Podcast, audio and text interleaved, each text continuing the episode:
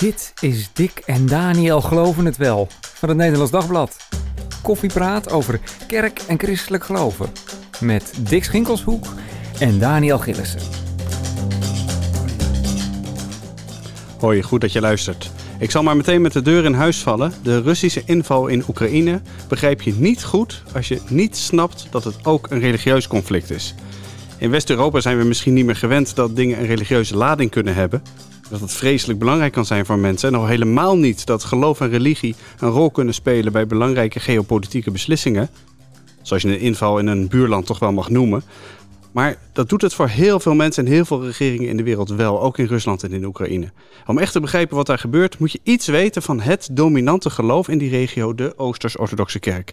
Mijn naam is Dick Schinkelshoek en samen met Daniel Gielissen ga ik daarover praten met Hendro Münsterman, die uh, in Rome zit, maar digitaal bij ons is aangeschoven. Leuk je er weer bij te hebben, Hendro. Ja, dankjewel Dick. En we gaan straks bellen met Robert Dulmers, die voor het Nederlands Dagblad in Oekraïne zit. En die ter plaatse ziet wat de rol en de invloed van de kerken zoal is in dit ontzettend nare conflict. Hendro uh, is Vaticaanwatcher van het Nederlands Dagblad, net als ikzelf theoloog. Hendro is katholiek, Daniel en ik zijn protestants. Maar we gaan het hebben over die derde grote kerkfamilie binnen het christendom, de Oosters-Orthodoxe kerken.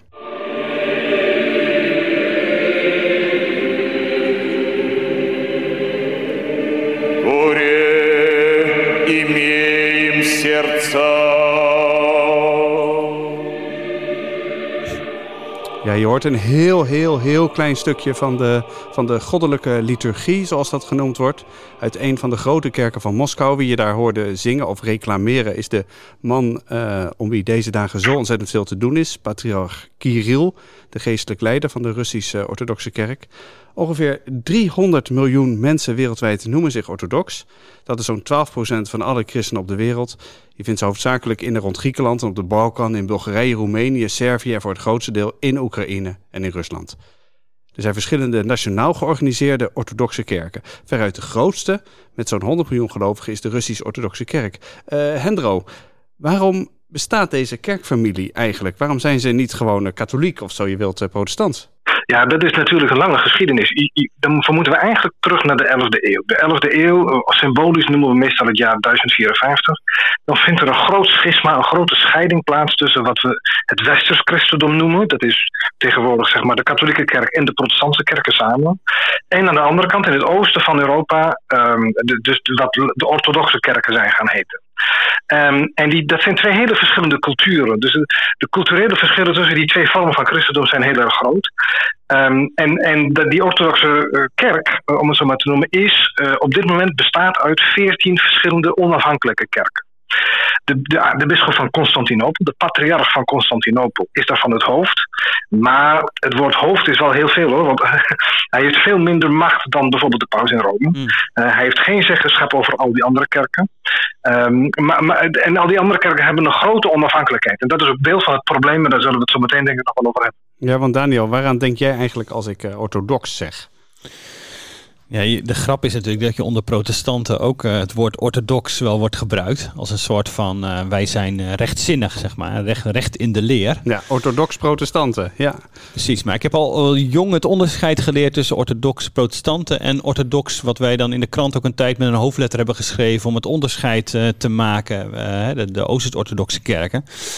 En uh, ja, weet je, ik ben een paar keer in uh, orthodoxe kerken geweest. En je ziet vooral de, nou, dat, de goud en glitter wat je tegemoet komt. Dat zie je in ieder geval heel sterk. Dat valt op veel meer nog in dan in Rooms-Katholieke kerkgebouwen, toch Gendro?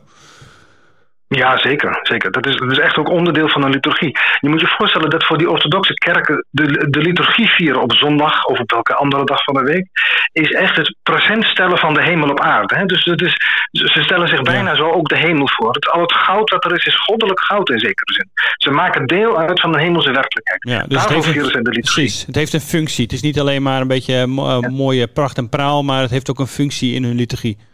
En in die zin is ja, hele contra nee, contrast natuurlijk met wat er nu allemaal in die orthodoxe wereld aan de gang is, natuurlijk wel ontzettend uh, uh, groot. Ja, maar voordat we naar die uh, rol van de orthodoxe kerken in het conflict gaan, willen we ook eigenlijk weten hoe de situatie op dit moment in Oekraïne is.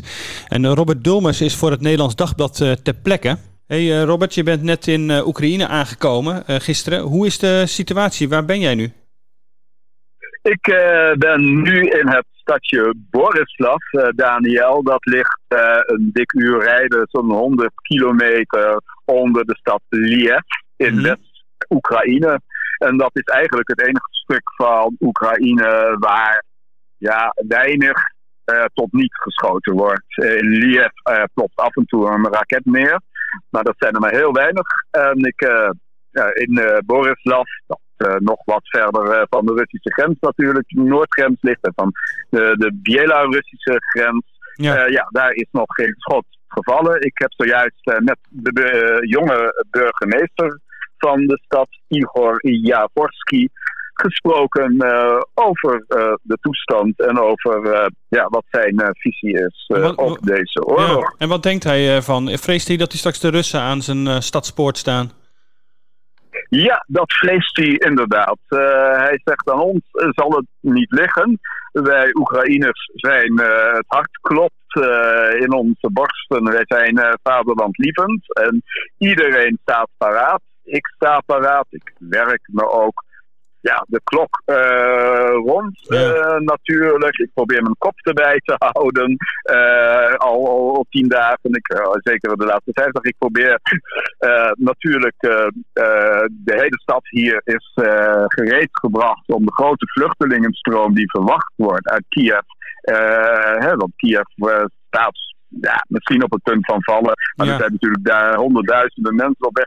Uh, alle scholen zijn. Uh, het stadhuis uh, is. de hele begane verdieping is ingericht als voedsel- en medicijnendepot. de scholen en de kleuterscholen zijn ingericht voor de opvang van vluchtelingen.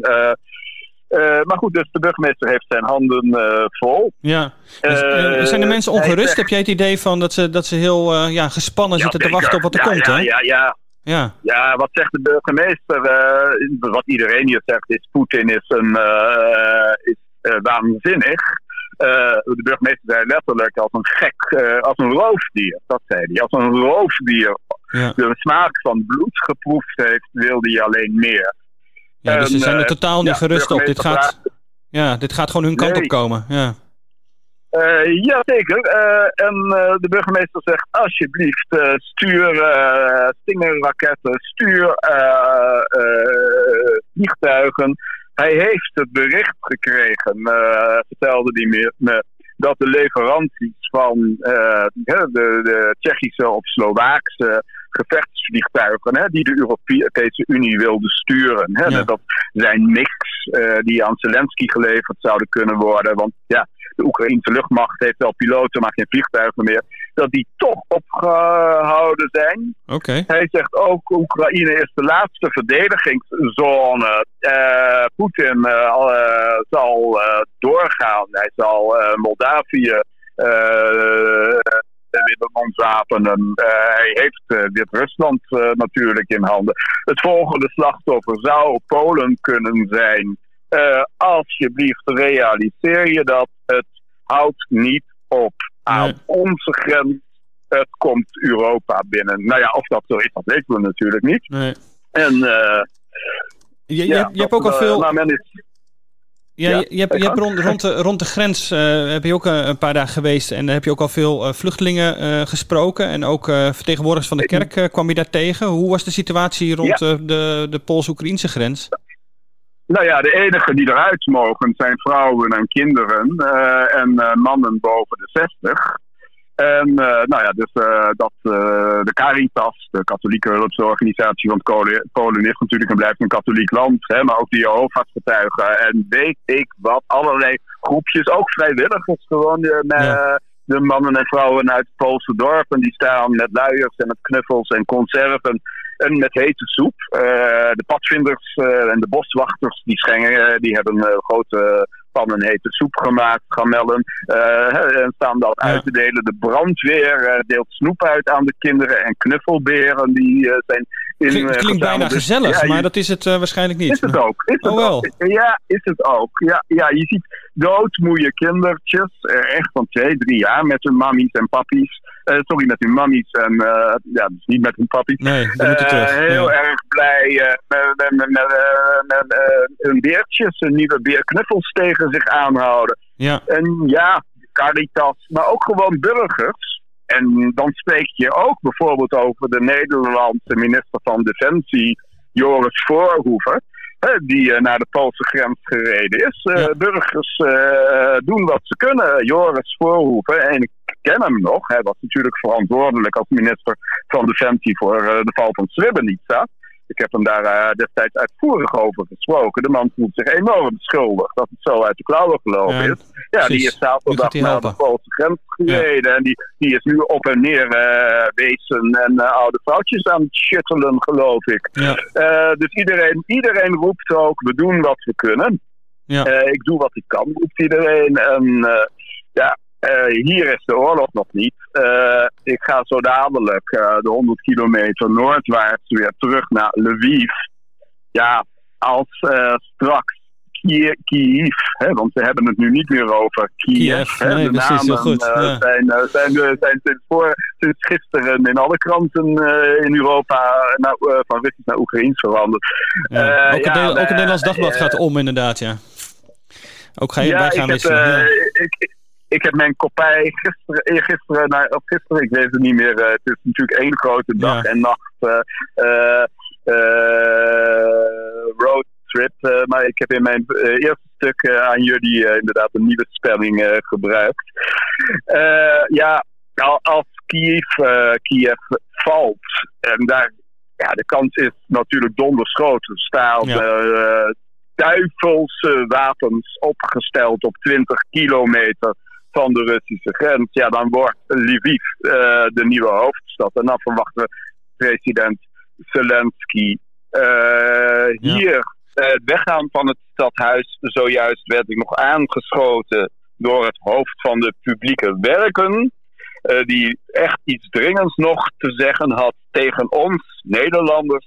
Zeg jouw luisteraars, zeg de mensen van het Nederlands Dagblad dat ja. jij dat wij en jullie dezelfde vijand hadden. Vergeet niet dat het de Russen waren die de MH17 neerschoten boven Oekraïne. Hey, bedankt Robert voor je verslag uit uh, Oekraïne. Uh, pas op jezelf ook, want het is niet ja, uh, ongevaarlijk daar. Dus we hopen ook meer van je te horen en te lezen natuurlijk in het Nederlands Dagblad. Ja, MH17. Uh, dat is natuurlijk voor ons Nederlanders aan de ene kant weer jaren geleden, aan de andere kant een soort totaal trauma dat ons, uh, nou, dat ons ook ergens ook nog wel heel erg uh, beïnvloedt. Ik snap ook wel hoor, dat dan zo'n zo'n zo'n Oekraïne heel erg probeert. Natuurlijk, Oekraïne probeert gewoon op dit moment heel erg om, om bondgenoten te vinden, om uh, zeg ik, kijk, wij staan hier niet alleen uh, tegenover die Russen. Wij, uh, wij, doen, wij doen dit samen met jullie. We zijn allemaal ja, slachtoffer van, die verbinding hè, nu. van, ja. van Poetin in zekere zin. Hendro, wat is nou eigenlijk de rol van zowel die, die Oekraïnse als die Russische orthodoxe kerken in dit hele conflict? Wat hebben die kerkleiders tot, tot dusver gezegd?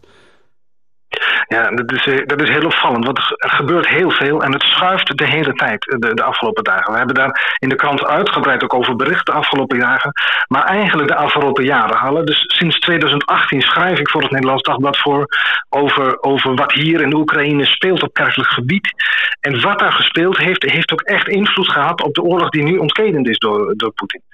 Dat is er namelijk aan de hand. Je moet je voorstellen dat in, in, in de Oekraïne is uh, 70, 75 procent van de bevolking noemt zich religieus.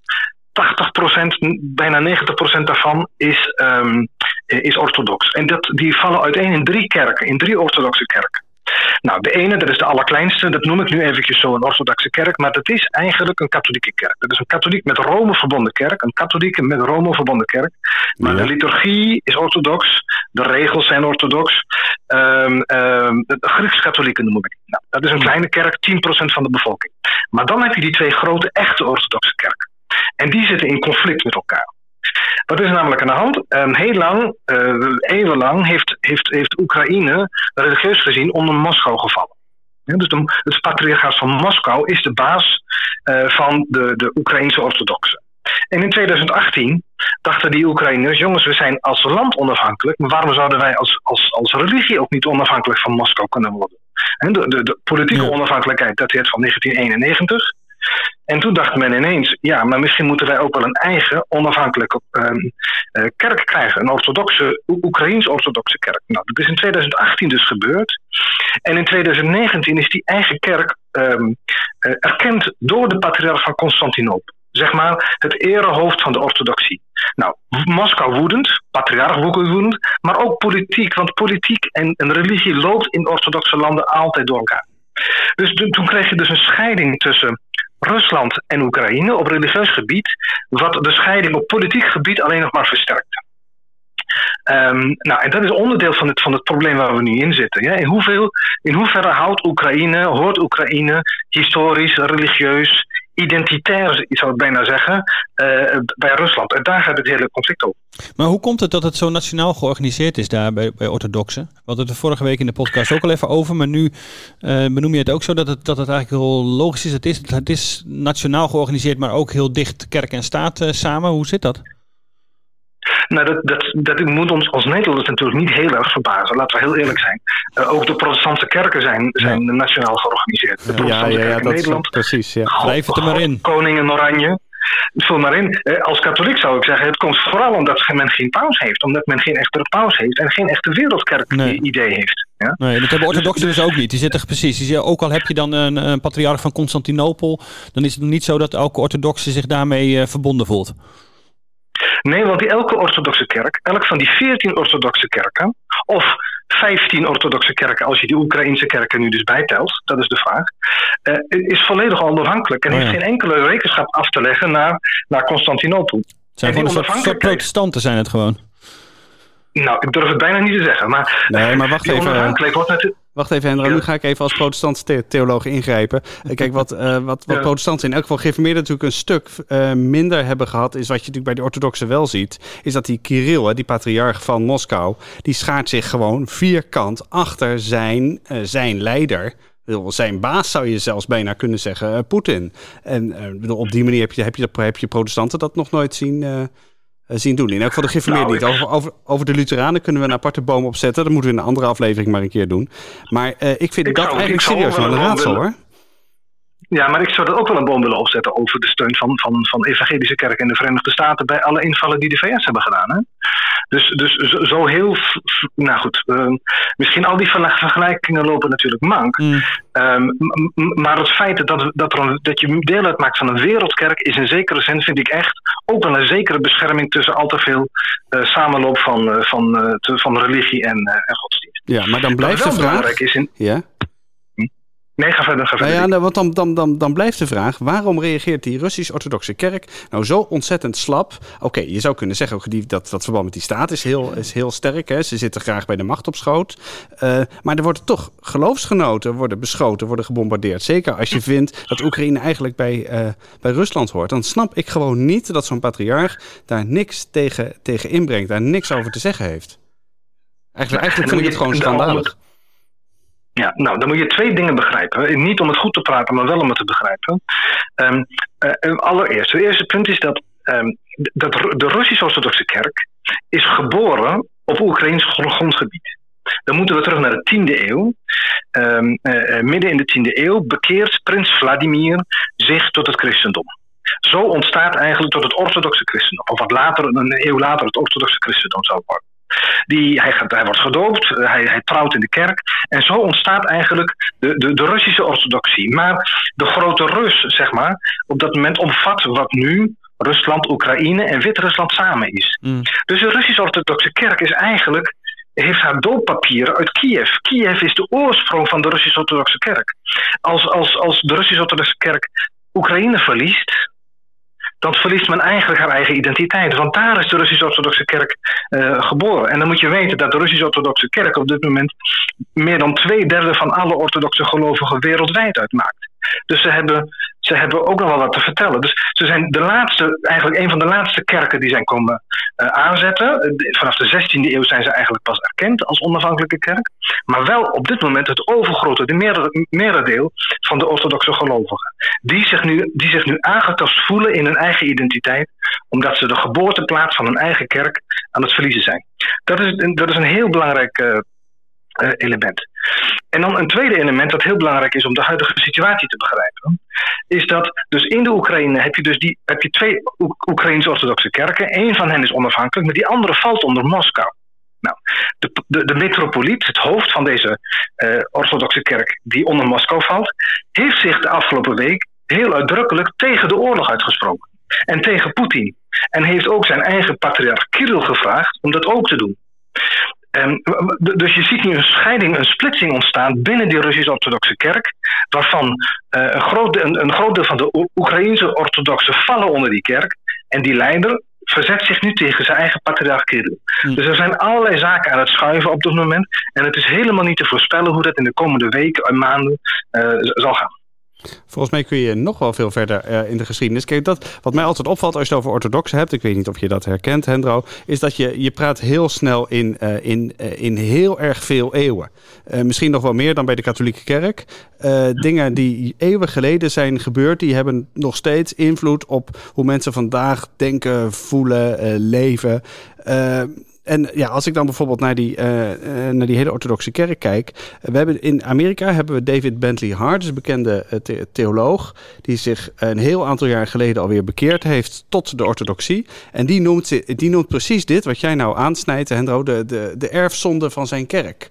Uh, dat, dat die ver, verwevenheid met, met, nou, met nationale ontwikkelingen, de verwevenheid met, met een staat, uh, de, uh, het hoofd van die staat feitelijk als het hoofd van jouw kerk er, erkennen. Formeel natuurlijk niet, maar wel in de, in de praktijk. Ehm, ga jij mee in die verklaring? Ja, natuurlijk. En, en je moet ook niet vergeten dat er heel veel van deze kerken natuurlijk uit, um, uit een tijdperk komen van communisme, waar het atheïsme feitelijk staatsreligie is mm. geweest. Dus dat, dat men nu heersers heeft, en regeringen heeft en staatshoofden heeft die wel de orthodoxie goed genegen zijn, uh, grijpt men vaak ook als een soort reflex, eh, als met beide handen aan. Dus dat de, um, um, Poetin, en Kirill houden elkaar ook vast en hebben elkaar nodig. dus heel uitdrukkelijk, Poetin heeft Kirill nodig, omdat, omdat, hij, omdat Kirill hem, omdat de kerk hem, een, een, ideologie verschaft over um, wat een samenleving is, wat de, de, waarde van het gezin is, wat de, de, de, de, de, de manier is waarop wij moeten samenleving, uh, de, ook alles tegen alles wat, wat met alle uh, uh, LHBTI-zaken te maken heeft en, en alle verwesterse toestanden. Dat is de ene kant. En de andere kant heeft, heeft, heeft Kirill, heeft Poetin nodig om zijn kerk op te bouwen na het communisme, na zoveel jaren communisme.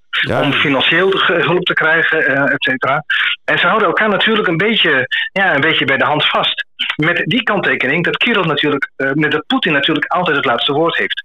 Ja, maar dat is. maar Kirill is uiteindelijk uh, altijd de agenda. Maar de kerk laat zich wel een beetje inpakken, dus dan. Want dat is toch een beetje het ja. probleem. Je denk je, je moet een soort ja, tegenover zijn. In elk geval kritisch zijn op, op machthebbers. Dat is ook iets wat, de kerk, uh, wat je van de kerk zou verwachten. Ja, nou, en dat is dus, dat is, dat is dus het grote drama van de, van de Russisch-Orthodoxe Kerk. Enerzijds wil men de eigen identiteit niet verliezen, en dat gebeurt als men Oekraïne verliest. Ja. Anderzijds ziet men ook dat wat, wat Poetin nu aan het doen is, die Oekraïners die tot die Russisch-Orthodoxe Kerk behoren, uh, aan, het, aan, het, aan het wegjagen is naar die onafhankelijke kerk. Want dat is een van de dingen die dreigen te gebeuren. Heel veel priesters die nu toch, die tot nu toe, en, en gelovigen die tot nu toe bij die Moskou uh, kerk behoren, dreigen nu voor de Oekraïners onder hen naar die andere kerk over te stappen. Dus het is, het is, een, het is een, ook kerkelijk gezien een heel dramatisch gebeuren wat op dit moment plaatsvindt. Ja. Hey, uh, Hendro, als we even uitzoomen en even verder kijken naar gewoon die hele orthodoxe kerkfamilie als geheel. Uh, wij Westelingen, wij, wij vinden dan die, uh, die liturgie vinden we, vinden we mooi of we vinden hem vreemd. In ieder geval, we vinden het heel veel, heel veel, heel veel bling bling, goud, toestanden. Het duurt ook ontzettend lang, hè, die, hele, die hele goddelijke liturgie van A tot Z. Volgens mij wel, wel, hm. wel drie uur als je hem helemaal viert. tegelijk vinden ja, maar dat, komt, dat komt ook omdat dat komt ook omdat de eeuwigheid heel lang duurt. Hè? Dus als het de hemel op aarde is, ja, dat is niet in drie minuutjes. Een, een, niet uur over drie uur, Dick. Kom op, dat is echt wel heel nee. westers. ik, vind, ik vind soms een uur, een uur in de kerk al lang. Uh, maar we kijken ook naar hun, uh, hun theologie als, als heel statisch, als, mm. ver, als verouderd. Hè? Ze zijn niet met hun tijd meegegaan, zoals, nou, zoals uh, wij, wij protestanten en ook katholieken dat, dat wel, wel van onszelf vinden. Vind jij dat eigenlijk terecht, uh, Hendro, als we zo op deze manier over, over orthodoxen praten? Nou, eh, zo, zo, zo zien orthodoxen zichzelf vaak ook. Hè? Dus je moet je voorstellen, kijk, het protestantisme is, is opgericht, om het zo maar even te zeggen, om trouw te zijn aan de Bijbel. Um, de orthodoxie ziet zichzelf als trouw aan de bepalingen van de eerste concilies. Dus vanaf de vierde eeuw, in 325, vinden een aantal concilies plaats in de kerk. Die concilies hebben allemaal in het oosten plaatsgevonden. Nicea, Constantinopel, uh, Efeze. Nou goed, dat allemaal in het huidige Turkije. Dat zijn allemaal concilies geweest die ook door de reformatoren overigens erkend zijn voor het opdracht um, allemaal in het Grieks gehouden. Het zijn allemaal Oosterse concilies geweest. Het enige wat de, wat de orthodoxe kerk doen, is wij zeggen, wij willen trouw zijn aan wat de vroege kerk heeft bepaald. Dus al die kanones, al die, al die wetten die toen zijn opgesteld, die worden letterlijk gevolgd. En er is geen enkele reden om dat aan te passen, want het is, het is de eeuwigheid van God die daar gesproken heeft, als ik even hmm. karikatuurlijk mag zeggen. Nou, Dus um, um, daarom heeft denkt men ook geen paus nodig te hebben. Want een paus reageert op ontwikkelingen. En, en trouw, ja, waar zijn we trouw aan? We zijn trouw aan wat de kerk, de vroege kerk bepaald heeft. Dat is orthodox, dat is de rechte leer. Dus, dus het zit ook in het wezen zelf van het orthodoxie om niet te willen veranderen. Dus conservatisme ten top, zeg maar. Mm, nou ja, dat is niet een goede uitleg. En maar je ziet dan tegelijkertijd binnen de orthodoxie natuurlijk ook allemaal theologen opstaan. Die proberen dat in de context te plaatsen. Hmm. En die proberen te zeggen: kijk, wat toen bepaald is, kun je niet zomaar uh, recht uit de hemel uh, uh, zien komen. Dat heeft ook in, in, een bepaalde context. Dus je, kunt, je moet misschien ook rekening houden met de context van toen en de context van nu. Misschien kunnen we regels die toen opgesteld zijn, ervan zeggen van nou ja, dat is niet helemaal zo toepasbaar op nu, omdat juist de context helemaal veranderd is. En dat zie je binnen het protestantisme natuurlijk ook gebeuren als het gaat over de Bijbel. Ja? Kun je de Bijbelse normen, waarden, regels, uh, uitspraken van Jezus en Paulus, kun je die zomaar letterlijk toepassen op de huidige situatie? Of moet je daarbij ook naar de context kijken? Nou, dus, en er zijn ook binnen de orthodoxie wel vernieuwers. We zien bijvoorbeeld dat kardinaal Kirill heel uitdrukkelijk de behoudende lijn, de conservatieve lijn vertegenwoordigt. Samen met bijvoorbeeld het patriarchaat van Servië en van Belgrado. En, en op, de, op de meer uh, vernieuwingsgezinde kant zit de patriarch van Constantinopel. Ja, want die is heel erg bezig met. Uh, want uh, de, uh, Bart, Bartholomeus is dat, hè? Die is ook heel erg bezig met, met, met, duurzaamheid, de aarde, schepping. groen, klimaat. Dat is toch op zich voor een patriarch van zo'n, nou ja, we zullen het een beetje aardig zeggen, conservatieve of conserverende traditie toch op zijn minst wel een beetje opmerkelijk. Nou, dat is, dat is, als je er van buitenaf naar kijkt, is het heel opmerkelijk. Maar, maar de, de, orthodoxe theologie heeft zich door de eeuwen heen ook heel erg bezig gehouden met het feit dat, dat de natuur Gods schepping is. Dat, dat, dat God zich ook in de natuur uh, geuit heeft en in de schepping geuit heeft. Um, uh, dus daar, zit een hele, een hele diepe spirituele traditie achter, die eigenlijk teruggaat op, op Paulus. Die, waar Paulus zegt dat, um, um, dat ja, een soort kosmologisch godsbesef en een kosmologische verlossing bepleit in onder meer de Colossensebrief. Nou, daar heeft de orthodoxie al heel lang uh, uh, over nagedacht. Dus in die zin is het helemaal niet vooruitstrevend. Het is in wat vanuit de orthodoxie gezien juist heel erg traditioneel. Alleen zijn wij dat in het Westen vergeten. En we kunnen dat vanuit het Westen, wat mij betreft, ook van de orthodoxie leren. Nou, nu we, het, nu het daar toch over hebben, want om eerlijk te zijn, op het moment dat wij uh, de orthodoxie als conservatief en zo gaan wegzetten, dan gaat iets in mij toch wel een klein beetje stijgeren. Ik heb, uh, voordat wij kinderen kregen, heb ik samen met mijn vrouw uh, nou, een heel aantal reizen gemaakt door de Balkan. ook met, wat is, met orthodoxe priesters gepraat, voor zover ze iets van Engels of Duits spraken, wat vaak niet het geval was. En wat mij heel erg raakte in die manier van geloven, was de, de mystiek. Dat, dat dat spirituele verbonden met de, uh, met de aarde, de aarde als Gods schepping. Hè? Dus waar werkelijk gewoon alles, alles spreekt van de, uh, van de grootheid van God. En van, uh, van het feit dat, oh ja, omdat Christus gedoopt is in de Jordaan, zijn vanaf dat moment alle rivieren over de hele aarde zijn, zijn heilig. Zijn heilig. Mm. Dat, ja, ik moet eerlijk zeggen, ik vind dat wel, uh, ik vind dat heeft, dat heeft wel iets fascinerends. En ook een kerk waarin het niet zo heel erg om meedraait en wat ik uh, wil hebben en wat ik aan, aan geloof en aan spiritualiteit en weet ik wat zoek. Maar die gewoon, om het even heel plat te zeggen, zijn ding doet. Gewoon nog met de priester, met zijn rug naar de gelovigen. Uh, ik vind daar ook wel iets, ja, ik vind het heeft ook wel iets moois, iets, iets, iets onverstoorbaars. Mm. Nou, ik denk dat het, ik denk dat ik ben het helemaal met je eens. Um, ik, ik, kom ook zelf heel graag in, in, in orthodoxe liturgieën. Um, het heeft er ook mee te maken dat wij in het Westen, en met name in het protestantisme hoor, um, wij, wij geloven toch wel in een soort, nog ga ik een heel moeilijk woord gebruiken, maar ik zal het meteen uitleggen. Uh, een soort declaratieve verlossing. Dus God verklaart ons verlost. Dus uh, God zegt dat wij verlost zijn en omdat hij het zegt, zijn wij het. Nou, ik, uh, bij de, in de orthodoxie gaat het anders. In de orthodoxie zijn wij door de doop opgenomen in het nieuwe leven van Christus. Eh, wij leven in hem en Christus leeft in, hom, ons. En, en, dan, en dan spreekt de orthodoxie, gebruikt dan een woord wat voor ons westerse christenen heel moeilijk om te begrijpen is. Zij spreken dan over vergoddelijking. Ja? Door de doop, door het geloof in Christus, vergoddelijken wij. Niet omdat wij God worden, maar omdat God in ons leeft. Nou, dat, dat hele inclusieve denken van het goddelijke mysterie dat in de wereld, in de schepping en door de doop in onszelf aanwezig is, ik vind dat echt een uitdaging voor het westerse christendom waar we mee aan de slag moeten. Dus dat is, dat is het leuke van, of het, het bijzondere van dit soort zaken. En aan de ene kant zijn er dingen in de orthodoxie waarvan we echt moeten zeggen: stop hier niet verder, want dit gaat echt te ver. En aan de andere kant zit er zoveel rijkdom waar wij als westerlingen zoveel van kunnen leren. En het zou mooi zijn als we ook dat door deze vreselijke crisis zouden kunnen herontdekken. Ja, maar nog even terug naar uh, deze oorlog tussen Rusland en Oekraïne. Uh, Andrew, jij of Dick, wat, kunnen we nou van de, van de kerk uh, verwachten als het, als het hierom gaat? Kan van een of andere manier de kerk nog de-escalerend werken? Nou, er wordt naar verschillende kerken gekeken. Dus we, we zien binnen de orthodoxie, uh, ik schrijf het ook in de donderdagkrant, um, um, binnen de Russische orthodoxie komen er steeds meer stemmen op van priesters die zeggen, jongens, dit kan zo niet meer. We moeten stoppen met die oorlog. Dus er is binnen, binnen de Russische orthodoxe kerk in Rusland zelf inmiddels een stroming ja. van priesters. Ja, er komt verzet tegen Poetin en tegen Kirill. Uh, dat is één. Uh, aan de andere kant kijkt iedereen natuurlijk ook naar de paus. Dus ik zit hier in Rome. Ehm, er wordt hier heel veel onderhandeld. Er wordt heel veel gesproken. Er zijn heel veel contacten. de paus heeft zich tegen de oorlog uitgesproken. Maar heeft heel uitdrukkelijk Poetin en Rusland niet genoemd bij naam. Dat wordt hem dan dat natuurlijk kwalijk genomen. Uh, zeggen, ja, je, je, noemt het beestje niet bij zijn naam.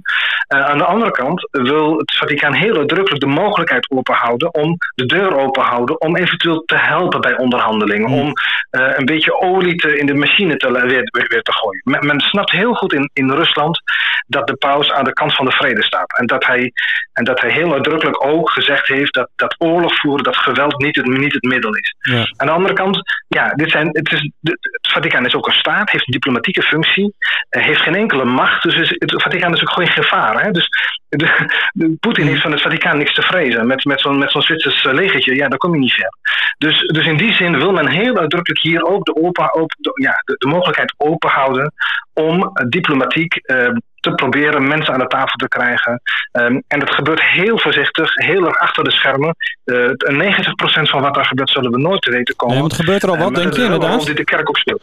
Er gebeurt er al wat? Is de pauze op een of andere manier al, uh, al bezig inderdaad om ja, daar ja. de boel te beïnvloeden? Ja, dus dus aartsbisschop, aartsbisschop Gallagher, dat is zeg maar de minister van, of de staatssecretaris van Buitenlandse Zaken. Ja. Kardinaal Parolin, uh, die, zijn, die zijn achter de schermen heel druk bezig. En, okay. um, en, en, en ook als je hier met ambassadeurs praat, hè, bijvoorbeeld in Rome, ze weten, dit is echt, uh, als je hier met ambassadeurs praat, die zeggen ook allemaal, de enige functie waar ik mijn functie hiermee kan vergelijken is bij de Verenigde Naties. Ja. Uh, want want, want hier, hier loopt alles diplomatiek door elkaar heen. We kennen elkaar allemaal. En tegelijkertijd zijn wij hier geen concurrenten van elkaar. Nee. De ambassade van Duitsland en de ambassade van, van Italië, of van, van Italië of, of, Frankrijk zijn hier geen concurrenten. Wij hebben hier niks te verdienen. Nee. Met het Vaticaan. En dus maakt het echte diplomatie mogelijk. Maar gaat uh, de orthodoxe kerk in, in Rusland dan op een of andere manier nog een, uh, nog een rol spelen? Denk jij nog dat het op een of andere manier een omkeer kan zijn en dat tegen Poetin wordt gezegd, jongen, kap hiermee?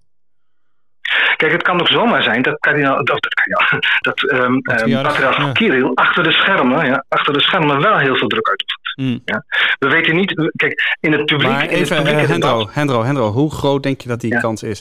Uh, ik, moet, ik zal je eerlijk zeggen, als ik tot nu toe zie wat hij gedaan heeft, hoe hij zich heeft opgesteld, het maakt mij, uh, bedoel, ik, ik zou mijn geld niet op deze patriarch zetten. Ook niet achter de schermen. Ik, ik denk, dat er, ik denk dat er. We moeten naar verschillende mensen kijken. We moeten bijvoorbeeld ook kijken naar metropoliet Hilarion. Precies, Hilarion is binnen het Russisch-Orthodoxe uh, patriarchaat is de man van de externe betrekking.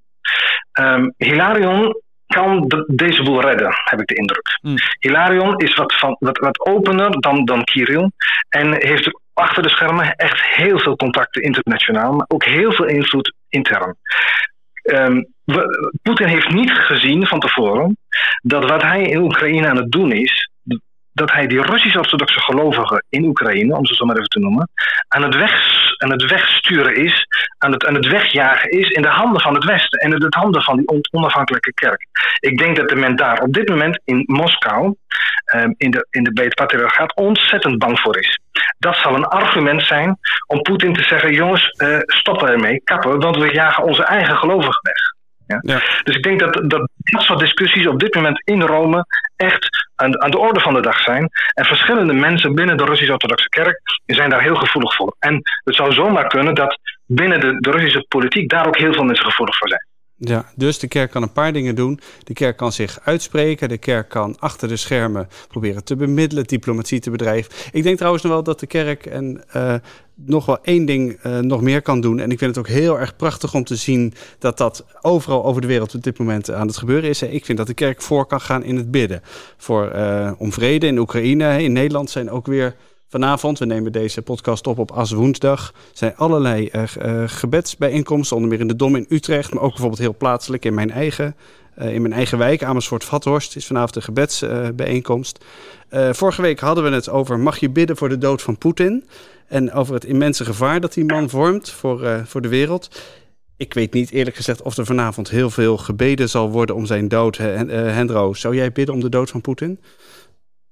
Ik, ik zou dat gewoon lekker aan God, ik zou de oplossing aan God overlaten. En, en ervoor bidden dat dit, dit conflict zo snel mogelijk uh, beëindigd wordt, op welke manier dan ook. Ja. ja, nou dat ben ik helemaal met je eens. Dat bidden iets is dat kerk en gelovigen nu kunnen en moeten doen, dat is wel heel erg helder aan het worden. Uh, dankjewel voor het luisteren. Uh, zoals altijd kun je reageren op deze podcast. Vinden we leuk en fijn en ook heel erg belangrijk. Het, het snelst kan dat via Dick en Daniel helemaal aan elkaar nd.nl.